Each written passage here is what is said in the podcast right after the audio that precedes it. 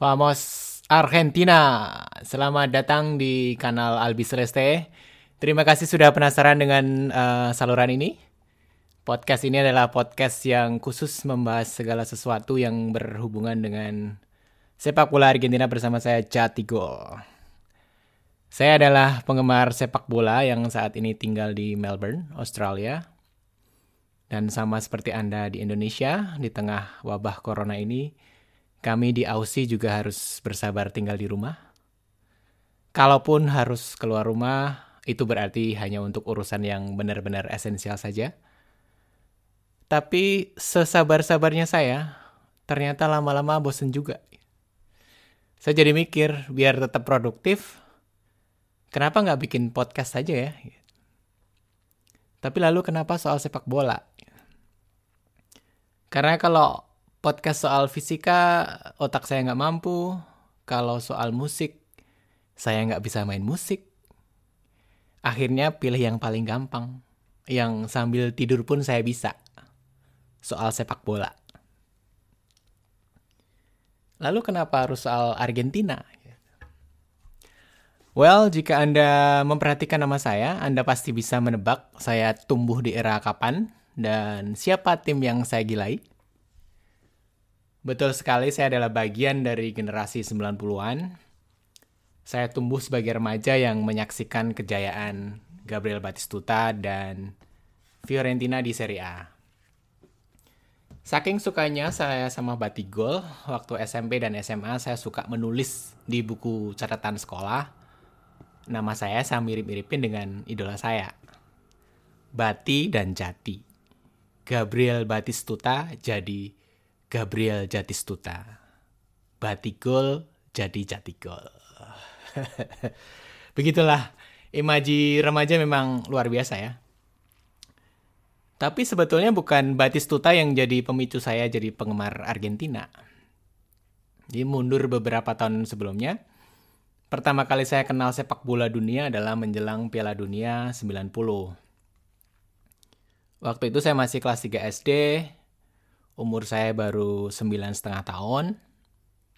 Nah, saya ini orang kampung, wong desa. Waktu itu saya tinggal di desa, tepatnya di Desa Dibal, Kecamatan Ngemplak, Kabupaten Boyolali, yang sangat dekat dengan Bandara di Sumarmo. Jadi jika Anda pernah atau sering uh, terbang dari atau ke Solo, Anda pasti tahu bandara, bandara ini. Gitu. Singkat cerita, desa saya adalah desa penggemar bola. Uniknya, zaman itu hanya ada dua nama yang benar-benar ngetop di, di desa saya. Pele dan Maradona. Jadi hampir sama kayak di tinju. Kalau orang-orang ditanya siapa petinju favoritnya, jawabannya hanya dua. Kalau nggak Muhammad Ali, ya Mike Tyson maklum ya orang desa. Jadi Sugar Leonard atau Marvin Hagler itu nggak masuk hitungan. Kurang populer gitu. Nah kalau di bola, jadilah orang-orang kampung saya terbelah dua. Kalau penggemar, kalau bukan penggemar Brasil, ya dia berarti pendukung Argentina gitu. Memang nggak semua orang begitu, tapi paling paling hanya satu dua orang yang beda seperti kakak saya yang jadi fan Belanda karena Euro 88 gitu. Nah, bagi saya sendiri saya waktu itu udah mulai baca berita-berita bola di koran, mostly dari tabloid bola langganan kakak-kakak saya. Pele adalah masa lalu gitu. Maka saya menjatuhkan pilihan pada Maradona gitu. Lucunya, sampai saat itu saya belum pernah menyaksikan Maradona atau Argentina di TV. Pengaruhnya kayaknya datang dari review-review di tabloid bola. Jadi waktu itu ada banyak puja-puji untuk Diego. Termasuk dari suara-suara supporter gitu. Saya jadi mikir, wah, orang ini pasti hebat gitu. Jadilah saya penggemar Argentina bahkan sebelum menonton mereka. Waktu itu yang punya TV di desa saya hanya bisa dihitung dengan jari. Rumah saya termasuk rumah yang nggak punya TV. Karena menurut bapak saya, TV itu kurang bermanfaat. Jadi berkarakter sekali ya bapak saya. Jadi mau nggak mau saya mesti ke rumah tetangga kalau mau nonton Piala Dunia. Pertandingan pertama yang saya tonton adalah partai pembukaan Argentina lawan Kamerun yang disiarin oleh satu-satunya TV waktu itu, TVRI. Sebelum nonton, meskipun penggemar cilik, saya sudah punya pengetahuan yang lumayan lah soal tim-tim peserta Piala Dunia. Gara-gara saya sering baca koran itu. Gitu. Waktu itu saya sampai hafal nama-nama pelatih dari semua negara. Jadi belum lagi sebagian besar pemain-pemainnya gitu ya. Bayangin kelas 3 SD loh. Kalau sekarang sih saya sudah sudah lupa ya. Maklum, kalau masih kecil itu kalau dapat info baru nempelnya cepet. Jadi ibarat hard disk, free space-nya masih banyak. Saya masih ingat pelatih Kamerun waktu itu adalah Valeri Nepomniachtchi dari Uni Soviet. Pemain-pemainnya ada Andrew Kanabik dan adiknya François Omambik. Lalu ada Cyril Makanaki, Emil Mboh Eugene Ekeke, Lalu di cadangan ada Roger Milla. Jadi waktu itu di pertandingan pertama Roger Milla masih cadangan dan Emmanuel Mabuang Kesak. Nah, dua nama terakhir ini yang beberapa tahun kemudian main di Liga Indonesia bareng Pelita Jaya. Kalau Roger Milla tahun 94, Mabuang Kesak tahun 97. Nah, saya masih ingat karena bagi telinga bocah seperti saya, nama-nama mereka itu terdengar lucu dan karenanya suka saya plesetin gitu. Contohnya si kiper Thomas Engkono, jadi tulisannya N apostrof Kono, saya nggak tahu pengucapannya yang benar gimana. Tapi waktu itu saya bacanya Thomas Nek Kono. Nah dalam bahasa Jawa, Nek Kono itu berarti di situ. Maka tiap kali mengeja nama kiper Kamerun, Thomas Nek Kono. Otomatis dalam bayangan saya, seperti bilang, Thomas di situ gitu. Jadinya gampang diinget gitu. Sialnya, pertama kali nonton Argentina, hasilnya malah kalah gitu. Dan seperti yang udah tahu lah ya. Mereka kalah 0-1 lewat gol dari François Omambiyik. Sedih banget waktu itu saya.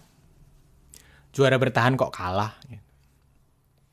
Tapi justru karena kekalahan ini, pertandingan itu jadi berkesan buat saya. Nggak pernah lupa. Setiap orang pasti punya partai kenangannya masing-masing ya. Jadi kalau misalnya ada teman saya yang game paling berkesan buat dia itu adalah Italia lawan Jerman di Piala Dunia 2006 karena dia penggemar Azzurri. Terus ada lagi yang menganggap bahwa kemenangan MU atas Bayern Munchen di final Liga Champion tahun 99 itu adalah yang paling spesial karena dia memang penggemar berat MU gitu. Nah, bagi saya Argentina lawan Kamerun tahun 90 itu adalah salah satu yang paling berkesan.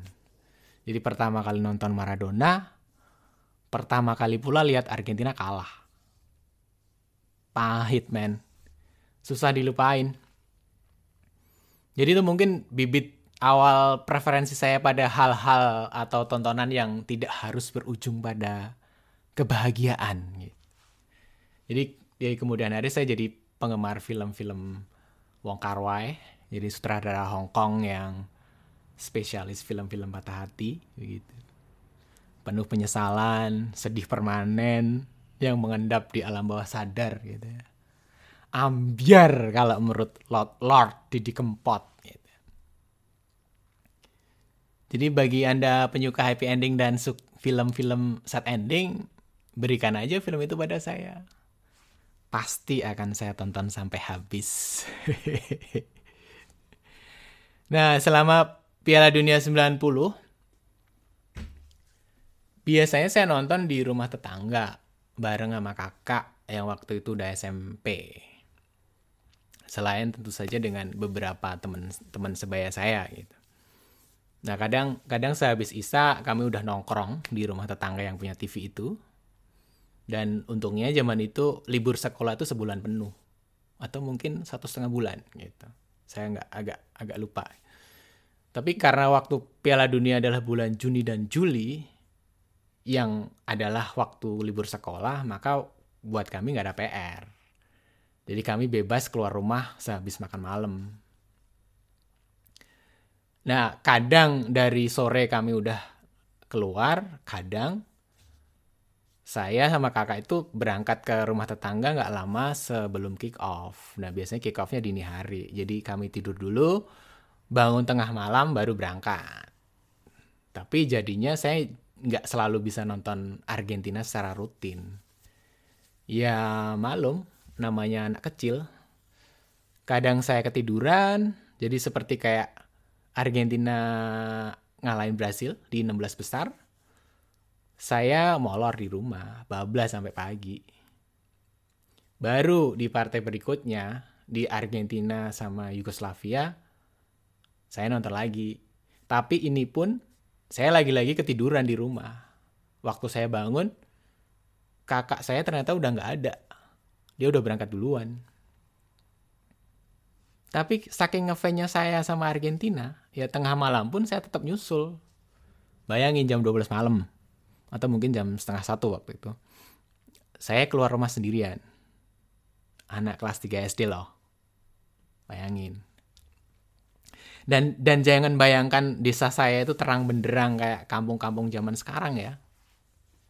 Gelap, Bung. Mungkin jarak dari rumah saya ke rumah tetangga yang punya TV itu hanya sekitar 200 sampai 300 meter tapi rutenya harus melalui jalan kampung yang gelap. Yang gelapnya lebih gelap dari hatinya Darth Vader, man. Lalu ada kebun kosong, pinggir sawah yang gak ada lampunya. Ya rasa takut pasti ada sih. Tapi saya coba buang jauh-jauh. Nah zaman kecil saya itu, anak-anak suka ditakutin dengan cerita-cerita hantu sebangsa wewe gombel, sundel bolong, atau gundul pringis. Ya, jadi ya intinya ditakut-takutin supaya nurut sama orang yang lebih dewasa. Saya termasuk orang yang jadi korban psychological bullying ini dari kakak-kakak saya gitu. Nah, by the way saya anak bungsu dari tujuh bersaudara. Jadi ya seringlah diteror lewat cerita-cerita semacam ini gitu. Nah, salah satu tokoh teror yang ngehit waktu itu adalah Wewe Gombel. Bagi Anda yang belum tahu Wewe Gombel, Wewe Gombel adalah hantu perempuan yang berasal dari daerah Gombel di Semarang bagian selatan, yang konon suka menculik dan menyembunyikan anak-anak kecil. Nah, jadi bagi bocah Jawa Tengah pada waktu itu, si hantu ini nih legendaris. Tapi demi Maradona, pikiran-pikiran negatif semacam itu saya buang jauh-jauh lah ya. Jauh-jauh selama perjalanan yang sebenarnya nggak sampai 5 menit, tapi kalau mikirin itu, jadi berasa kayak selamanya gitu. Dan ternyata memang nggak ada apa-apanya gitu. Saya sukses nonton Argentina melibas Uruguay. Eh, sorry. Melibas Yugoslavia lewat adu penalti. Nah, pengalaman itu yang bikin saya makin semangat untuk nonton pertandingan-pertandingan berikutnya. Jadi nggak cuma Argentina ya. Jadi dengan atau uh, tanpa ditemani kakak saya gitu. Sampai kemudian Argentina ngalahin Italia dan masuk final, meskipun kemudian kalah dari Jerman di final gitu. Jadi sejak saat itu cerita-cerita soal hantu itu nggak pernah menghalangi saya untuk nonton bola tengah malam meskipun saya masih kecil dan atau uh, keluar malam-malam untuk kegiatan yang lain gitu. Jadi bahwa ketakutan pada hantu itu tidak tidak nyata dan nggak perlu itu terus saya pegang sampai sekarang. Sejak itu ya, gara-gara satu nama Maradona. Begitu. Ini kenapa cerita saya makin melantur ya? Mungkin ini susahnya memandu podcast sendirian ya. Gak ada yang nyemprit. Mohon maaf saudara-saudara kalau obrolan saya makin tidak jelas. Ini ngakunya podcast bola, tapi kok malah membahas WW Gombel. Kenapa bukan membahas taktik paling aktual, misalnya kayak pola 442 Diamond ala Ancelotti atau 352 compactnya Antonio Conte atau 4-2-3-1 transisionalnya Mourinho atau gegenpressingnya Jurgen Klopp gitu. Jawabannya karena bagi saya penggemar bola sekarang itu pinter-pinter semua gitu. Coba berapa dari Anda yang main Liga Fantasi? Tiap weekend atau midweek mantengin live score, sofa score gitu. Ngulik The Athletic, Players Tribune, belum Cek live score pagi-pagi sebelumnya misteri.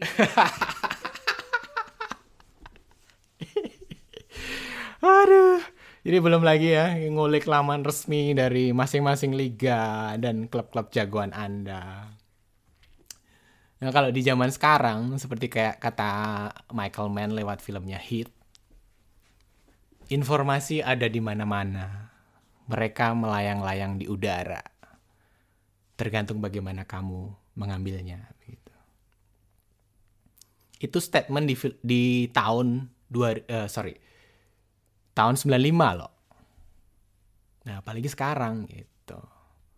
Jadi, di era eh, orang-orang pintar sekarang ini, di podcast ini saya mencoba untuk membahas Argentina dari sudut pandang yang lain gitu. Di dunia Anda nggak mungkin ada hubungan antara WW Gombel dan Diego Armando Maradona.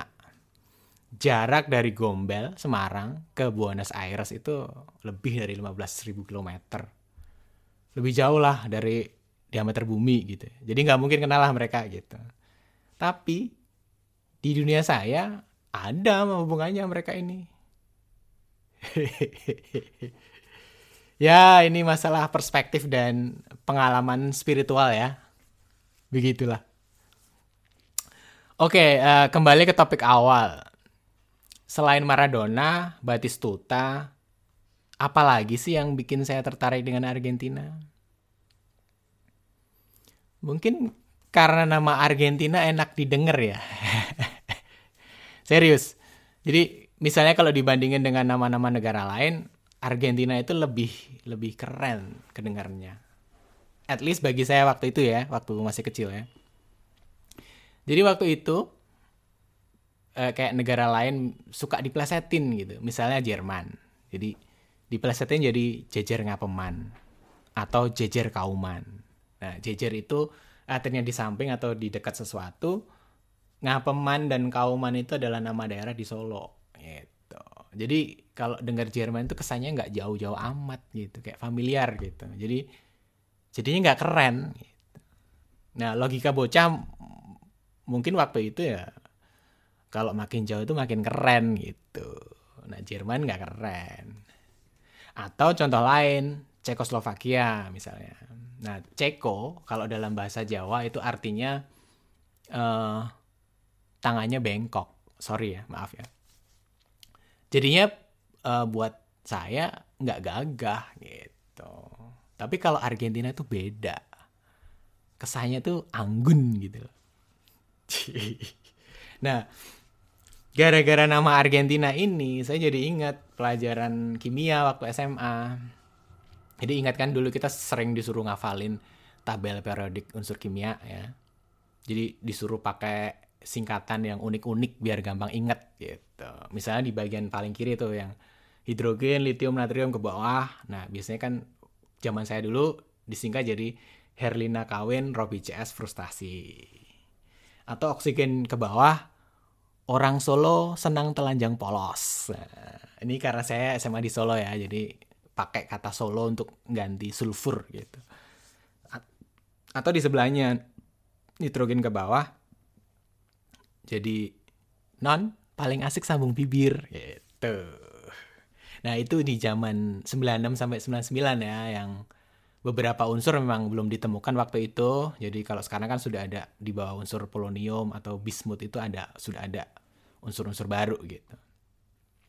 Terus di bagian tengah yang agak agak ke kiri tapi agak turun ke bawah. Nah itu nggak dihafalin waktu itu. Jadi saya nggak ingat kenapa itu nggak dihafalin gitu ya. Tapi di antara sekian unsur yang nggak dihafalin itu ada dua yang selalu saya ingat.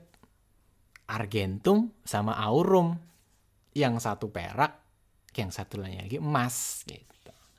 Nah, gara-gara hafal menghafal ini yang you know pakai uh, singkatan yang unik dan agak nakal ini saya jadi jadi suka sama pelajaran kimia gitu. Meskipun sebenarnya saya sukanya hanya bagian menghafal sama hitungan aja gitu. Karena kalau saya di lab saya benci. Karena biasanya apa ya? Saya takut salah. Karena kalau salah ditertawakan. Jadi saya takut ditertawakan gitu. Jadi nggak tahu. Saya mungkin tipikal murid di Indonesia ya, di negeri para penghafal. Jadi apa-apa mesti dihafalin, bukan dimengerti gitu. Ada. Nah, waktu itu saya sering bertanya-tanya gitu. Apa hubungannya antara Argentina dan unsur Argentum atau perak gitu. Apa mungkin di Argentina banyak perak ya, jadi sehingga disebut begitu. Tapi karena zaman itu belum ada Google, jadi saya ya hanya bisa menerka-nerka saja gitu. Belakangan ketika akses info soal Argentina makin gampang dicari, saya jadi tahu negaranya Maradona ini dinamain Argentina karena memang wilayahnya kaya akan perak. Bahkan sejak tahun 1536, orang-orang Venesia sudah menyebut bahwa negara ini adalah Terra Argentina atau the land of silver. Nah, kalau Anda perhatikan, klub River Plate itu, itu sebetulnya adalah versi bahasa Inggris dari Rio de la Plata atau Sungai Perak yang membelah dua negara ya. Jadi yang ya kalau sebelah utara sungai itu Uruguay, yang sebelah selatan Argentina. Nah, dinamain begitu karena memang daerah itu kaya dengan perak gitu. Jadi akhirnya sah. Jadi kecurigaan saya, keingintahuan saya waktu itu terjawab sudah. Argentina memang berasal dari kata Argentum gitu. Nah, kalau terus dikejar lagi, kenapa masih suka dengan Argentina? Padahal sejak juara Copa Amerika tahun 93, Albi Celeste itu nggak pernah juara lagi. Kalah mulu di turnamen, meskipun punya pemain sekelas Messi. Jujur, saya nggak tahu. Tapi kata Sujiwo Tejo, kalau kita cinta pada seseorang atau sesuatu, tapi nggak bisa jelasin alasannya kenapa, itu namanya cinta sejati. Itu. Sungguh bijak ya beliau ini. Ada sudah sepertinya lebih baik episode perdana ini diakhiri sampai di sini saja supaya nggak makin ngaco ke mana-mana. Semoga di episode-episode selanjutnya bisa lebih terarah dan lebih bermutu. Terima kasih sudah mendengarkan. Tetap ikuti saya di episode kedua karena saya akan membahas mengenai pelatih jenius Marcelo Bielsa. Tetap jaga kesehatan dan jangan lupa bahagia. Muchas gracias. Vamos Argentina!